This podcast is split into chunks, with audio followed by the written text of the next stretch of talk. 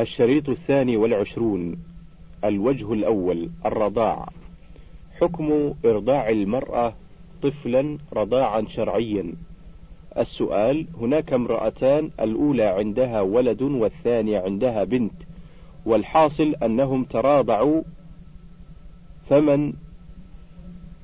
من إخوان المتراضعين يحل للثاني. الجواب إذا أرضعت امرأة طفلا خمس رضعات معلومات في الحولين أو أكثر من الخمس صار الرضيع ولدا لها ولزوجها صاحب اللبن ولزوجها صاحب اللبن وصار جميع أولاد المرأة من زوجها صاحب اللبن وغيره وغيره إخوة لهذا الرضيع وصار أولاد الزوج صاحب اللبن من المرضعة وغيرها إخوة للرضيع. فصار إخوتها أخوالا له وإخوة الزوج صاحب اللبن أعماما له. وصار أبو المرأة جدا للرضيع وأمها جدة للرضيع. وصار أبو الزوج صاحب اللبن جدا للرضيع وأمه جدة للرضيع.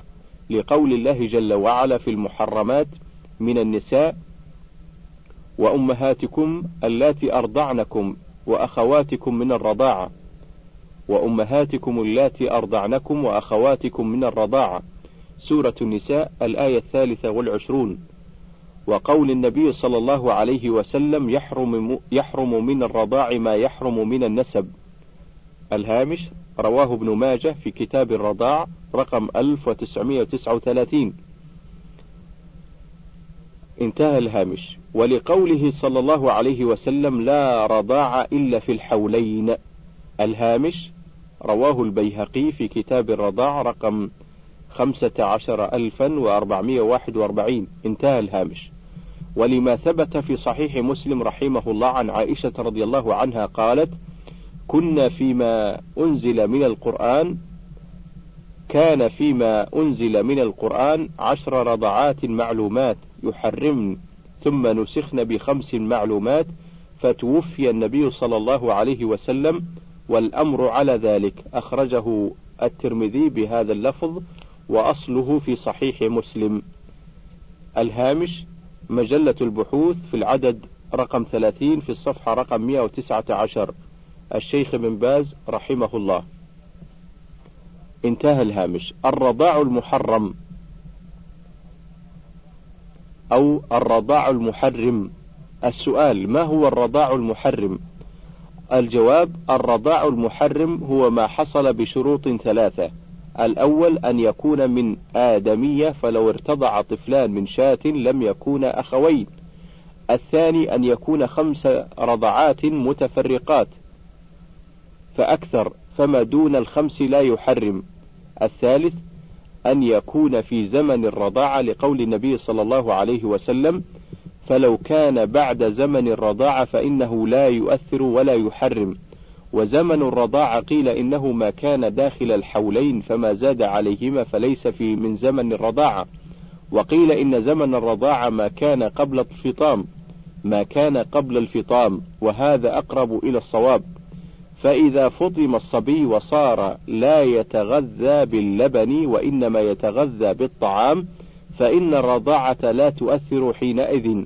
ودليل الشرط الأول قوله تعالى وأمهاتكم اللاتي أرضعنكم سورة النساء الآية الثالثة والعشرون. ودليل الشرط الثاني حديث عائشة التي الذي رواه مسلم كان فيما أنزل من القرآن عشر رضعات. محرمات. ثم نسخنا بخمس رضعات معلومات ودليل الشرط الثالث قوله صلى الله عليه وسلم إنما الرضاعة من المجاعة. الهامش رواه مسلم في كتاب الرضاعة رقم 1455 انتهى الهامش. ويروى عنه أنه قال لا رضاعة إلا ما أنشز العظم وكان قبل الفطام. الهامش رواه الترمذي بنحوه في كتاب الرضاع رقم 1152 وأبو داود رقم 2060 الهامش أيضا من, من فتوى للشيخ ابن عثيمين عليها توقيعه. انتهى الهامش. تعبير الرؤيا والأحلام. رؤيا الأحلام المزعجة. السؤال أنا فتاة أبلغ الثامنة عشرة من عمري وأحمد الله أنني مستقيمة في حياتي وملتزمة بديني. وكثيرا ما أرى في منامي رؤيا غالبا ما تكون هذه الرؤيا مزعجة ولا يمضي عليها إلا أيام محدودة ثم تتحقق وتأتي كفلق الصبح وتنزل المصائب على أهلي وأسرتي. وإذا رأيت هذه الرؤيا فإنني أخبر بها أهلي ويستعيذ بالله منها. أرجو إفتائي في أمر يذهب عني هذه المصائب. الجواب المشروع لمن رأى في منامه شيئا يكرهه أن ينفث عن يساره إذا استيقظ ثلاث مرات وأن يستعيذ بالله من الشيطان ومن شر ما رأى ثلاث مرات ثم ينقلب على جنبه الآخر فإنها لا تضره ولا يخبر بها أحدا لأن النبي صلى الله عليه وسلم أمر من رأى في منامه شيئا يكرهه أن يفعل ما ذكر أن يفعل ما ذكر. أما إن رأى في منامه ما يسره فإنه يحمد الله على ذلك ولا يخبر به إلا من يحب كما صح بذلك الحديث عن رسول الله صلى الله عليه وسلم. الهامش رواه البخاري في بدء الخلق رقم 3292 ومسلم في الرؤيا رقم 2261 الهامش أيضا كتاب الدعوة الفتاوى الشيخ بن باز رحمه الله في الصفحة رقم 262 انتهى الهامش. علاج الرؤيا المكروهة. السؤال لقد كان لي عم يكرهني في حياته ولا يطيقني وكان يضربني وقد توفاه الله وفي هذه الأيام أحلم أو أحلم أحلاما مزعجة أراه يلاحقني وأنا أراه يلاحقني أنا وابنتي الصغيرة لكنني لكني أهرب عنه ولا يستطيع الإمساك بي. أرجو إرشادي إلى ما يريحني. الهامش أو الجواب هذه الرؤيا وأشباهها من المرائي المكروهة وهي من الشيطان والمشروع للمسلم إذا رأى ما يكره أن ينفث عن يساره ثلاث مرات وأن يتعوذ بالله من الشيطان ومن شر ما رأى ثلاث مرات ثم ينقلب على جنبه الآخر فإنها لا تضره ولا يخبر بها أحدا لقول النبي صلى الله عليه وسلم في الحديث الصحيح الرؤيا الصالحة من الله والحلم, والحلم من الشيطان.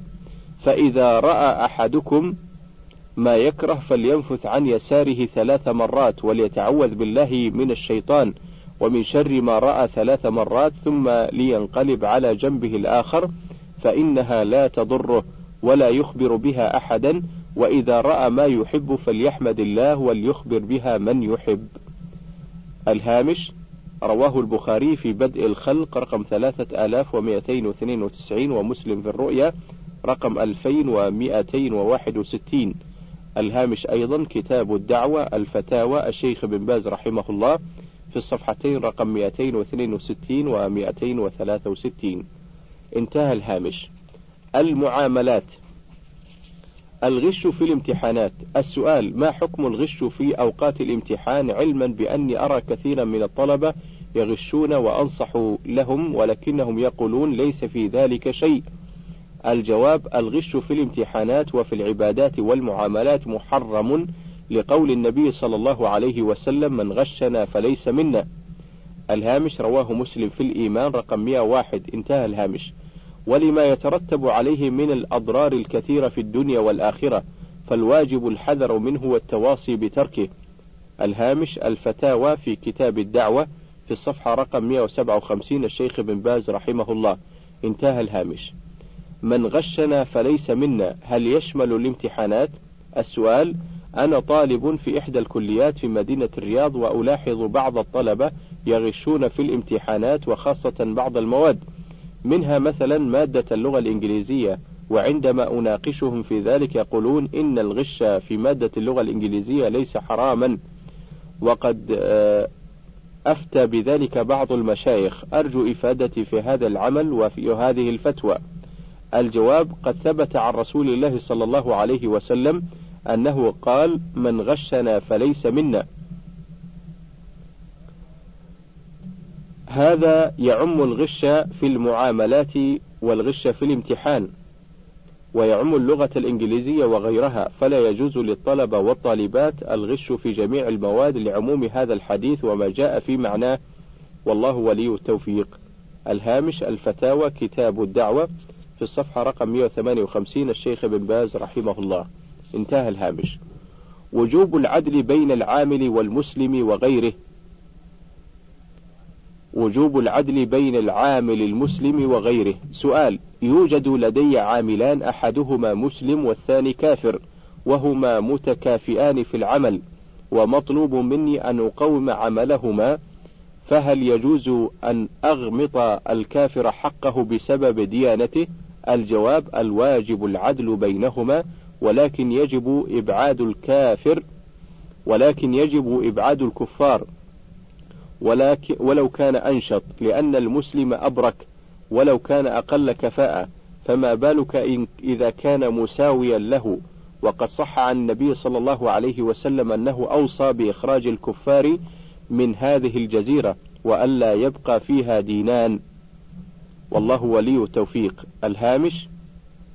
انظر أو ارجع إلى موطأ مالك في الجزء الثاني رقم 892 و 893 ومسلم في الجهاد رقم 1767 والبخاري في الجهاد رقم 2053 ومسلم في الوصيلة رقم 1637 وفي الجهاد رقم 1767 الهامش أيضا مجلة البحوث الجزء رقم 27 الشيخ بن باز رحمه الله. انتهى الهامش. أثر الرشوة في المجتمع. السؤال كيف يكون حال المجتمع في حين تنتشر فيه الرشوة؟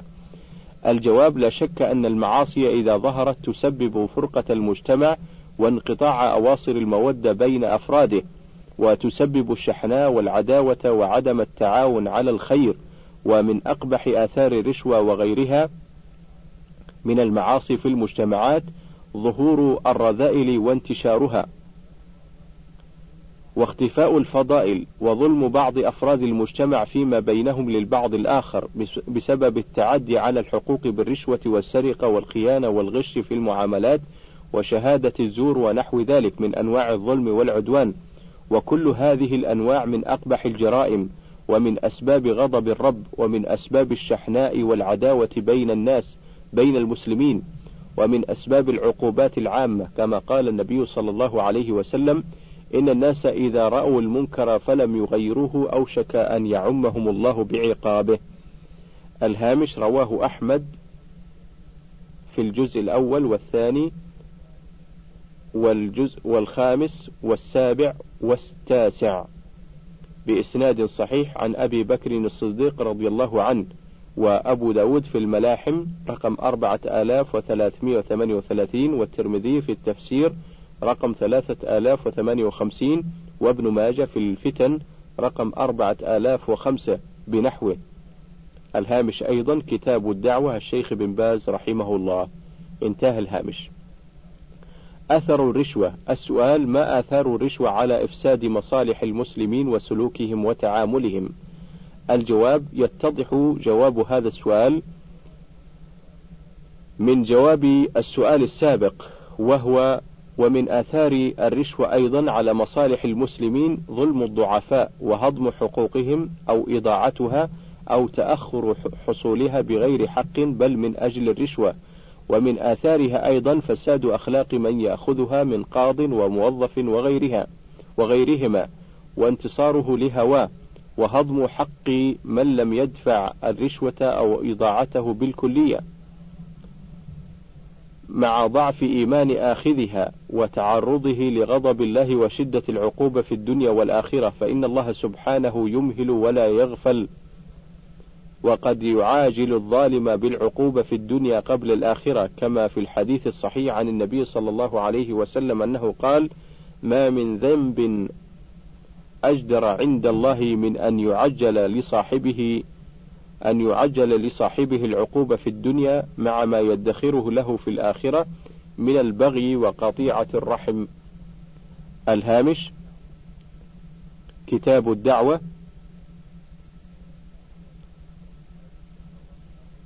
بل الهامش رواه أبو داود في الأدب رقم أربعة آلاف وتسعمائة واثنين والترمذي في صفة القيامة رقم خمسة وعشرين ألفا رقم خمسة وعشرين ألفا ومائة وأحد عشر. انتهى الهامش. ولا شك أن الرشوة وسائر أنواع الظلم من البغي الذي حرمه الله. وفي الصحيحين عن النبي صلى الله عليه وسلم أنه قال إن الله لا يملي للظالم حتى إذا أخذه لم يفلت أو لم يفلت. ثم تلا النبي صلى الله عليه وسلم قوله تعالى وكذلك أخذ ربك إذا أخذ القرى وهي ظالمة إن أخذه أليم شديد. سورة هود الآية الثانية بعد المئة. الهامش رواه البخاري في التفسير رقم أربعة آلاف وستمائة وستة وثمانين ومسلم في البر رقم ألفين وخمسمائة وثلاثة وثمانين. الهامش أيضا كتاب الدعوة الشيخ بن باز رحمه الله. انتهى الهامش. حكم الشرع في الرشوة. السؤال ما حكم الشرع في الرشوة؟ الجواب الرشوة حرام بالنص والإجماع وهي ما يبذل للحاكم ولغيره ليميل عن الحق ويحكم لصاحبها بما يوافق هواه. وقد صح عن النبي صلى الله عليه وسلم أنه لعن الراشي والمرتشي. الهامش رواه أبو داود في الأقضية رقم 3580 والترمذي في الأحكام رقم 1337 وابن ماجه في الأحكام رقم 2313 انتهى الهامش. وروي عنه صلى الله عليه وسلم أنه لعن الرائش أيضا. الهامش رواه أحمد في الجزء الخامس رقم آه، رقم 279 والبزار رقم 1353 والطبراني في الكبير رقم 1415 قال الهيثمي في المجمع في الجزء الرابع رقم 199 فيه أبو الحطاب وهو مجهول. انتهى الهامش. والرائش هو الواسطة بينهما ولا شك أنه آثم ومستحق للذم والعيب والعقوبة لكونه معينا على الإثم والعدوان. وقد قال سبحانه وتعاونوا على البر والتقوى ولا تعاونوا على الإثم والعدوان واتقوا الله إن الله شديد العقاب. سورة المائدة الآية الثانية. الهامش كتاب الدعوة شيخ بن باز رحمه الله. انتهى الهامش. آثار الرشوة على عقيدة المسلم. السؤال ما هي آثار الرشوة على عقيدة المسلم؟ الجواب الرشوة وغيرها من المعاصي تضعف الإيمان وتغضب الرب عز وجل وتسبب تسليط الشيطان على العبد في إيقاعه في معاص أخرى. فالواجب على كل مسلم ومسلمة الحذر من الرشوة ومن سائر المعاصي مع رد الرشوة إلى أصحابها إن تيسر له ذلك. فإن لم يتيسر له ذلك تصدق بما يقابلها على صاحبها على الفقراء بما يقابلها عن صاحبها على الفقراء مع التوبة الصادقة عسى الله أن يتوب عليه. الهامش كتاب الدعوة الشيخ بن باز رحمه الله. انتهى الهامش. انتهى الهامش. استأجر على حسابك. الهامش كتاب الدعوة رقم ثمانية شيخ الفوزان الجزء الثالث رقم ثلاثة وخمسين وأربعة وخمسين. انتهى الهامش. السؤال إنني رئيس في إحدى الدوائر ولدي موظفون وسائقون وفي بعض الأحيان أستخدم أحدهم في أعمال خاصة بي. فهل في هذا شيء علي؟ الجواب لا يجوز لك أن تستخدم الموظفين والسائقين الذين هم تبع للدائرة الحكومية في مصالحك الخاصة. لأن هذا لأن هذا الاستخدام خارج عن عما خصص له من ناحية واستغلال لموظفي الدولة لمصالحك الخاصة. وإذا كان عندك عمل خاص فاستأجر له على حسابك الخاص. على المسلم أن يؤدي الأمانة. الهامش؟ فتاوى للموظفين والعمال الشيخ بن باز رحمه الله في الصفحتين السابعة والتاسعة. انتهى الهامش. السؤال بعض الموظفين والعاملين لا يعطون عملهم الحماسة اللازمة فنجد بعضهم يمر عليه عام فأكثر وهو لا يأمر بخير ولا ينهى عن شر ويتأخر عن العمل ويقول أنا مأذون من رئيسي فلا علي شيء. فمن كانت هذه حاله فهل عليه شيء في دينه ما دام على هذه الحال؟ أفتونا جزاكم الله خيرا. الجواب أولا المشروع لكل مسلم ومسلمة التبليغ عن الله سبحانه وتعالى لما سمع من الخير كما دل على ذلك قول الرسول صلى الله عليه وسلم نضر الله امرأ سمع مقالتي فوعاها ثم أداها كما سمعها. الهامش رواه الترمذي في العلم رقم 2657 وابن ماجه في المقدمة رقم 232 انتهى الهامش. وقال عليه الصلاة والسلام بلغوا عني ولو آية. الهامش رواه البخاري في الأنبياء رقم 3461 انتهى الهامش. وكان إذا خطب الناس وذكرهم يقول فليبلغ الشاهد الغائب فرب مبلغ أوعى من سامع. الهامش رواه البخاري في العلم رقم 67 ومسلم في القسامة رقم 1679 انتهى الهامش. فأنا, فأنا أوصيكم جميعا أن تبلغوا ما, ما سمعتم من الخير عن بصيرة وتثبت فكل من سمع علما وحفظه يبلغ أهل بيته وإخوانه ومجالسيه ما يرى فيه الخير. من ذلك مع العناية بضبط ذلك وعدم التكلم بشيء لم يحفظه حتى يكون من المتواصين بالحق ومن الدعاة إلى الخير.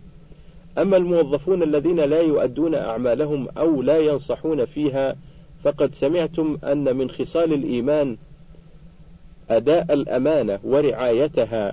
كما قال الله سبحانه إن الله يأمركم أن تؤدوا الأمانات إلى أهلها. سورة النساء الآية الثامنة والخمسون.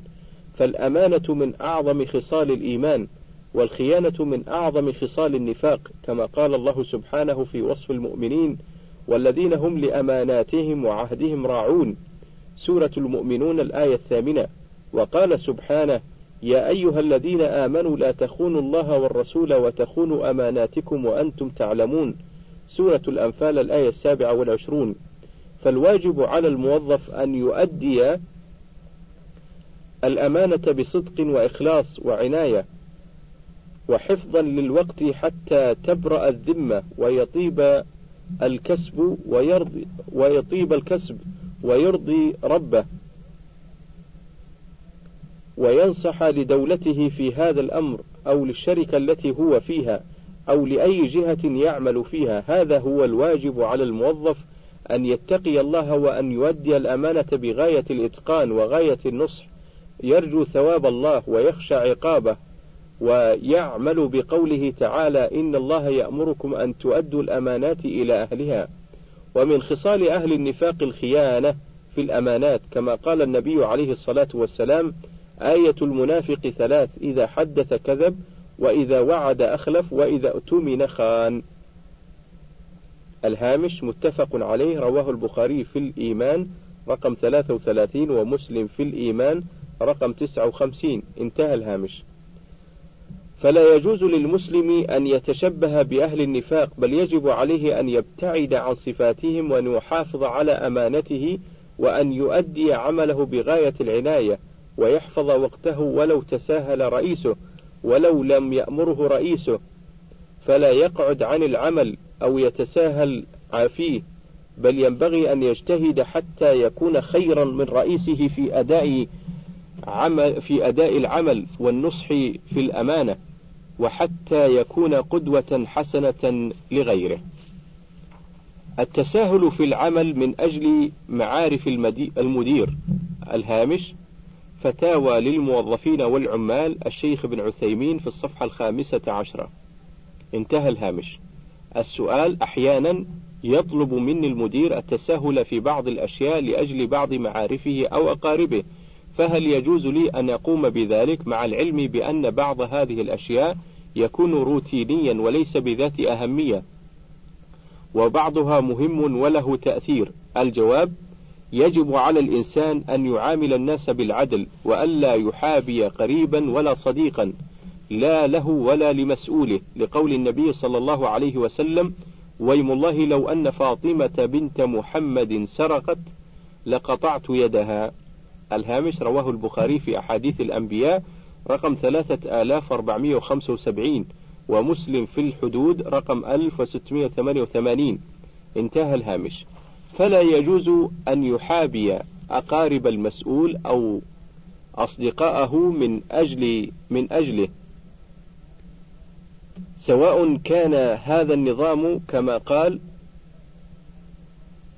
سواء كان هذا النظام كما قال السائل له أهمية أو أنه أمر روتيني فإن, كان فإن كل شيء وضعته الحكومة وهو لا يخالف الشرع يجب علينا أن نقوم به.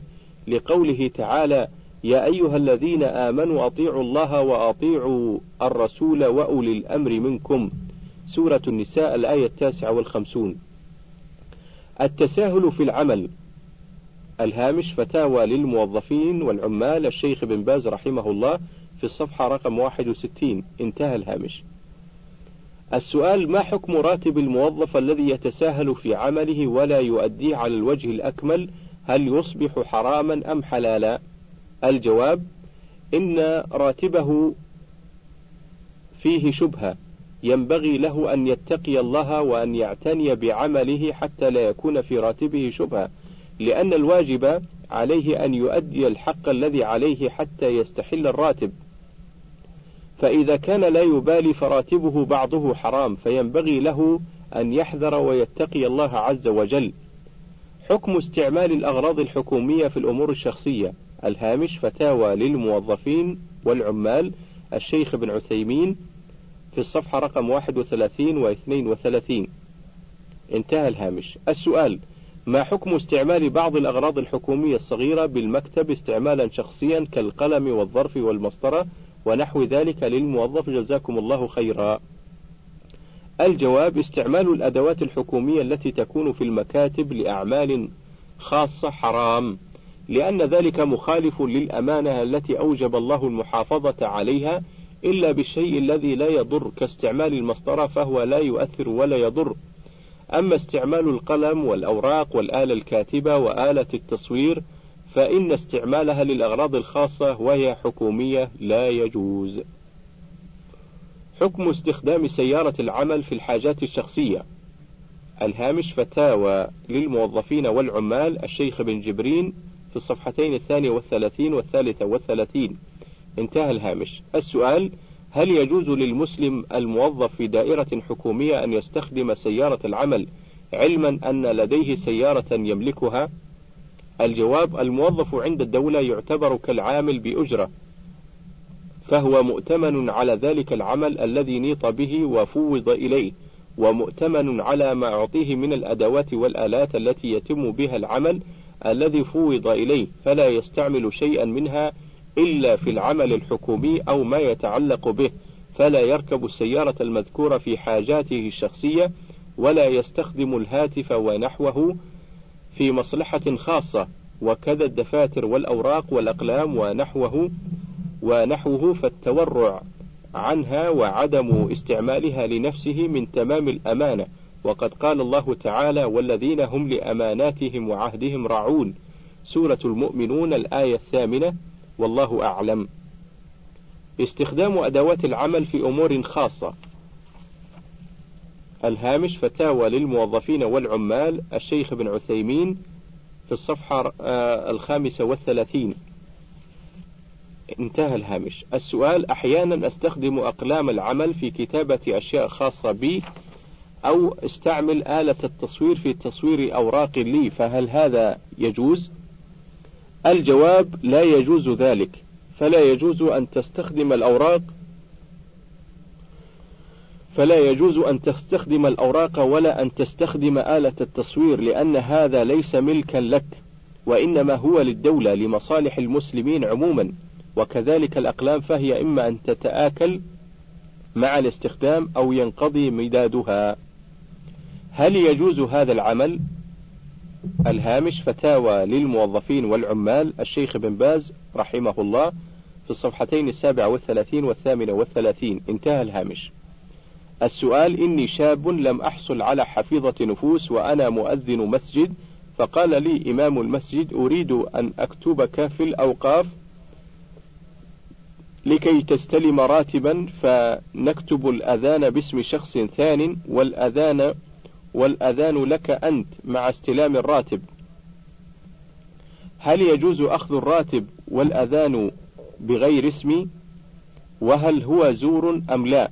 وإذا أخذت الراتب وهو زور ماذا أعمل به؟ أتصدق به أم ماذا أفعل؟ الجواب هذا منكر وزور لا يجوز وعليك رد المال إلى الأوقاف فإذا لم يتيسر ذلك فتصدق به على الفقراء ونحوهم. لأنه مال أخذ بغير حق ولم يتيسر صرفه إلى أهله فوجب في جهة بر فوجب في جهة بر كالفقراء وإصلاح دورات المياه ونحو ذلك. حكم أخذ مرتب خارج الدوام دون عمل. الهامش فتاوى للموظفين والعمال الشيخ ابن عثيمين في الصفحة الثانية والخمسين.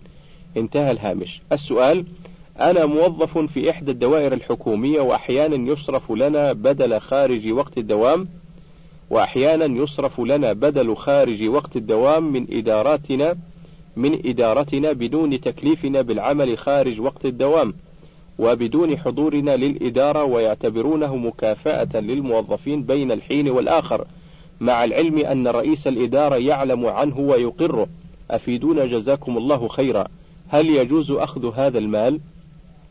وإذا كان لا يجوز فكيف أعمل فيما استلمته من الأموال في السابق مع العلم أني قد تصرفت فيها جزاكم الله خيرا. الجواب إذا كان الواقع ما ذكرت فذلك منكر لا يجوز بل هو من الخيانة. والواجب رد ما قبضت من هذا السبيل إلى خزينة الدولة فإن لم تستطع فعليك آه، فعليك الصدقة به في الفقراء المسلمين وفي المشاريع الخيرية مع التوبة إلى الله سبحانه والعزم الصادق ألا تعود في ذلك لأنه لا يجوز للمسلم أن يأخذ شيئا من بيت مال المسلمين إلا بالطرق الشرعية التي تعلمها الدولة وتقرها والله ولي التوفيق. الخروج قبل عشر دقائق من نهاية الدوام. الهامش فتاوى للموظفين والعمال الشيخ ابن عثيمين في الصفحة الثانية والخمسين. انتهى الهامش. السؤال ما الحكم في الخروج قبل نهاية الدوام بعشر دقائق خاصة إذا كان ذلك بعلم بعلم المدير المباشر وليس لديه عمل يقوم به؟ الجواب يقال لنا إن خروج الموظف قبل نهاية الدوام بربع ساعة ونحوها مما يسمح فيه مما يسمح فيه نظاما من أجل أن يصل الإنسان إلى بيته عند تمام الساعة الثانية والنصف. فإذا كان الأمر كذلك فلا حرج أن يخرج الإنسان قبل هذه المدة. أما إذا كان الأمر بخلاف ذلك وأن الموظف ملزم بالبقاء إلى انتهاء الدوام فإنه لا يجوز لأحد أن يسرق من وقت الدوام شيئا. حكم أخذ أموال بغير عمل. الهامش فتاوى الموظفين والعمال الشيخ بن جبرين في الصفحتين الثانية والخمسين والثالثة والخمسين. انتهى الهامش. السؤال إحدى الشركات يبقى في ميزا من ميزانيتها مبالغ كبيرة تصرفها للعاملين لديها على أنها مكافأة عمل خارج وقت الدوام الرسمي ويوقع الموظفون على ذلك ويستلمونها بالتناوب كل سنة وهم لم يعملوا خارج الدوام فهل يجوز أخذ هذه الأموال؟ الجواب على المسؤولين في هذه الإدارة أن لا يتلاعبوا بهذه الأموال وأن يردوا ما فضل منها إلى الخزينة وذلك لأنها صرفت لجهات فإذا لم تستغرقها تلك الجهات فلا يجوز لهم أن يعطوها لمن لم يعمل بل عليهم أن يردوها ولو لم تخرج لهم في السنة القادمة ولو لم تخرج لهم في السنة القادمة أو في السنوات الأخرى وذلك لأنهم مؤتمنون عليها. والمؤتمن عليه أن يؤدي أمانته التي اؤتمن عليها وإذا احتاجوا إلى خارج دوام ضروري عملوا بذلك وصرفوا قدر ما يستحقون. وأما الموظفون فإذا عملت تلك الدائرة بهذا التنظيم وصرف لهم فلهم أخذه عملا بما ورد في الحديث من قوله صلى الله عليه وسلم لعمر رضي الله عنه ما أتاك من هذا المال وأنت غير مشرف فخذه وما لا فلا تتبعه نفسك. وما لا فلا تتبعه نفسك. الهامش رواه مسلم في الزكاة رقم 1045 انتهى الهامش. الجمع بين وظيفتين. السؤال أعمل في مؤسسة عامة براتب وذلك في الفترة التي لا تتعارض مع عمل رسمي كموظف حكومي. دون علم هذه المؤسسة بأن لي راتبا من جهة أخرى غيرها. فهل كسبي من هذه المؤسسة نظير عملي حلال أم حرام؟ الجواب لا يجوز لك العمل عند أي مؤسسة في خارج عملك الرسمي إلا بإذن من الجهة المسؤولة عن عملك الرسمي. لأن عملك في المؤسسة التي أشرت إليها مظنة للتأثير على عملك الرسمي كما هو الواقع أن كثيرا من الموظفين ينشطون في أعمال المؤسسات ويضعفون في عملهم الرسمي وبالله التوفيق. أخذ الأجرة بغير عمل خيانة. الهامش فتاوى للموظفين والعمال الشيخ بن باز رحمه الله في الصفحتين الخامسة والخمسين والسادسة والخمسين. انتهى الهامش.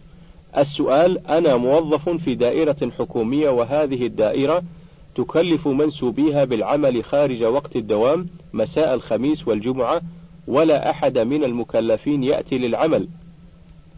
وبعد أن هداني الله للحق طلبت من مدير شؤون الموظفين مراقبة الموظفين للعمل وألا يكلفهم ولم يستمع لكلامي لأنه يكلف معنا ولا يحضر. وطلبت كذلك إسقاط اسمي من التكليف مع أني محتاج وإذا لم آخذه أنا أخذه غيري بأي طريقة. فما الحل أفيدونا جزاكم الله خيرا؟ الجواب هذا لا يجوز هذا خيانة من الرئيس والمرؤوسين جميعا فأخذ الموظف الأجرة بغير عمل هذا خي... هذه خيانة وإذا خان الناس لا تكن منهم. وإذا خان الناس لا تكن منهم ولا تكن مع الخائنين. نسأل الله السلامة والعافية. مصاريف العلاج تخصم من راتبك. الهامش فتاوى للموظفين والعمال. الشيخ بن عثيمين في الصفحة رقم 60 انتهى الهامش. السؤال وقعت لي حادثة خارج العمل ولما عجزت عن تحمل مصاريف العلاج جعلتها حادثة عمل. ودفعت الشركة مصروفات العلاج وأنا نادم الآن. فهل ما فعلت حرام فهل ما فعلت حرام؟ الجواب يلزمك أن تخبر أهل الشركة بحقيقة الحال وتعرض عليهم ردك ما صرفوا عليك من أجرة العلاج أو آه، خصمها من راتبك. فإن عفوا عنك إن كان لهم الصلاحية سقط الغرم وإلا فلا تبرأ ذمتك إلا باستباحتهم. أو رد المصاريف له إليهم واستغفر ربك عن الكذب والظلم. تماثلت للشفاء قبل نهاية الإجازة المرضية. الهامش فتاوى للموظفين والعمال الشيخ ابن عثيمين في الصفحة رقم 60 انتهى الهامش. السؤال إذا كان عندي إجازة مرضية لمدة عشرة أيام وقد تماثلت للشفاء في سبعة أيام ولله الحمد والفضل فهل يجوز أخذ الثلاثة الأيام الباقية؟ إذا أخذت إجازة مرضية لمدة عشرة أيام ثم شفيت قبلها فارجع إلى مرجعك فإن سمح لك في البقية فالأمر إليه وإن لم يسمح فباشر العمل خذ المكافأة وارفض البدلات التي لا تحق لك الهامش فتاوى للموظفين والعمال الشيخ بن جبرين الصفحتين الستين والواحدة والستين. انتهى الهامش. السؤال نظرا لمسؤوليتي في عملي فإنه تصرف لي بدلات دون الخروج إلى الأماكن التي آخذ عليه هذه البدلات. وقد وافق رئيس المصلحة على ذلك فهل يجوز؟ الجواب من أنيط به عمل وأعطي مالا على مباشرته لم يحل له المال حتى يقوم بذلك العمل كما ينبغي وبالأخص إذا كان تابعا لمصالح الدولة وهي التي تبذل المال ولو رضي رئيس المصلحة لكن في الإمكان تعويض المسؤول وكبير القسم عن هذا الانتداب بمكافأة أو ترقية ونحو ذلك. هذا المال لا تستحقه. الهامش فتاوى للموظفين والعمال الشيخ بن باز رحمه الله في الصفحتين الواحدة والستين والثانية والستين انتهى الهامش السؤال انتدبت أنا وزميلي إلى إحدى المناطق لمدة أربعة أيام إلا أنني لم أذهب مع زميلي مع زميلي وبقيت على رأس عملي وبعد فترة استلمت ذلك الانتداب فهل يجوز لي استهلاكه أم لا؟ وإذا كان لا يحل لي أخذه فهل يجوز صرفه في مستلزمات المكتب الذي أعمل به؟ الجواب: الواجب عليك رده لأنك لا تستحقه لعدم قيامك بالانتداب، فإن لم يتيسر ذلك وجب صرفه في بعض جهات الخير كالصدقة على الفقراء والمساهمة به في بعض المشاريع الخيرية مع التوبة والاستغفار والحذر من العودة إلى مثل ذلك.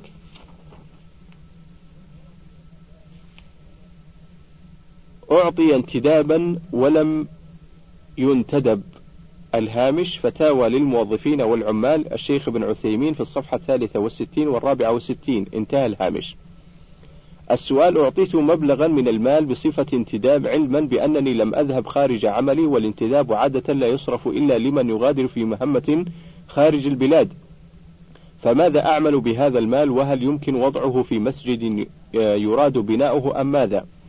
الجواب أنا أرى في مثل هذه في مثل هذه المسائل أنه إذا أعطي الإنسان انتدابا وهو لم ينتدب أرى أن يبلغ المسؤول الذي يرأس رئيسه الذي يرأس رئيسه ويقول إنه أعطاني انتدابا دون أن ينتدبني من أجل أن يتبين للمسؤول الكبير خيانة هذا المسؤول الثاني حتى يجري معه ما يجب إجراءه على الخونة لأن المديرين خونة أيضا ومن دون المدير ومن دون المديرين ومن فوقهم إذا كانوا يعودون الناس على مثل هذه الحيل التي تفسد المجتمع والأمانة ويحل بنا البلاء. فالذي أرى أن الطريق السليم أن يبلغ عن هذا المدير المباشر من من فوقه ويعيد الدراهم للدولة ليسلم من شرها. فما الذي يحل لك أن تأخذ مالا من مال الدولة وأنت لم تقم بهذا العمل؟ ثم كيف يحل لهذا المسؤول أن يفعل ذلك؟ وقد قيل لي إننا نفعل هذا لأن الرجل المنتدب ينتج وليس عندنا بنود للمكافأة فنتحايل على ذلك بأن نعطيه انتدابا دون أن يذهب. فهذه الملاحظة غير صحيحة لأن من ينتج ويقوم بعمله يكون قد حلل مشربه ومأكله وجزاه الله خيرا. وإذا كان يقوم بأكثر مما كلف به فلا حرج وإن وأن يكتب له شكر وتقدم له ورقة شرف تبقى معه أو يكتب للمسؤول الأعلى وتطلب مكافأة له لعمله أكثر مما يجب عليه أما أن نخدع الرجل وأنفسنا ودولتنا فهذا ليس بجائز. انتهى الوجه الأول وننتقل إلى الوجه الثاني.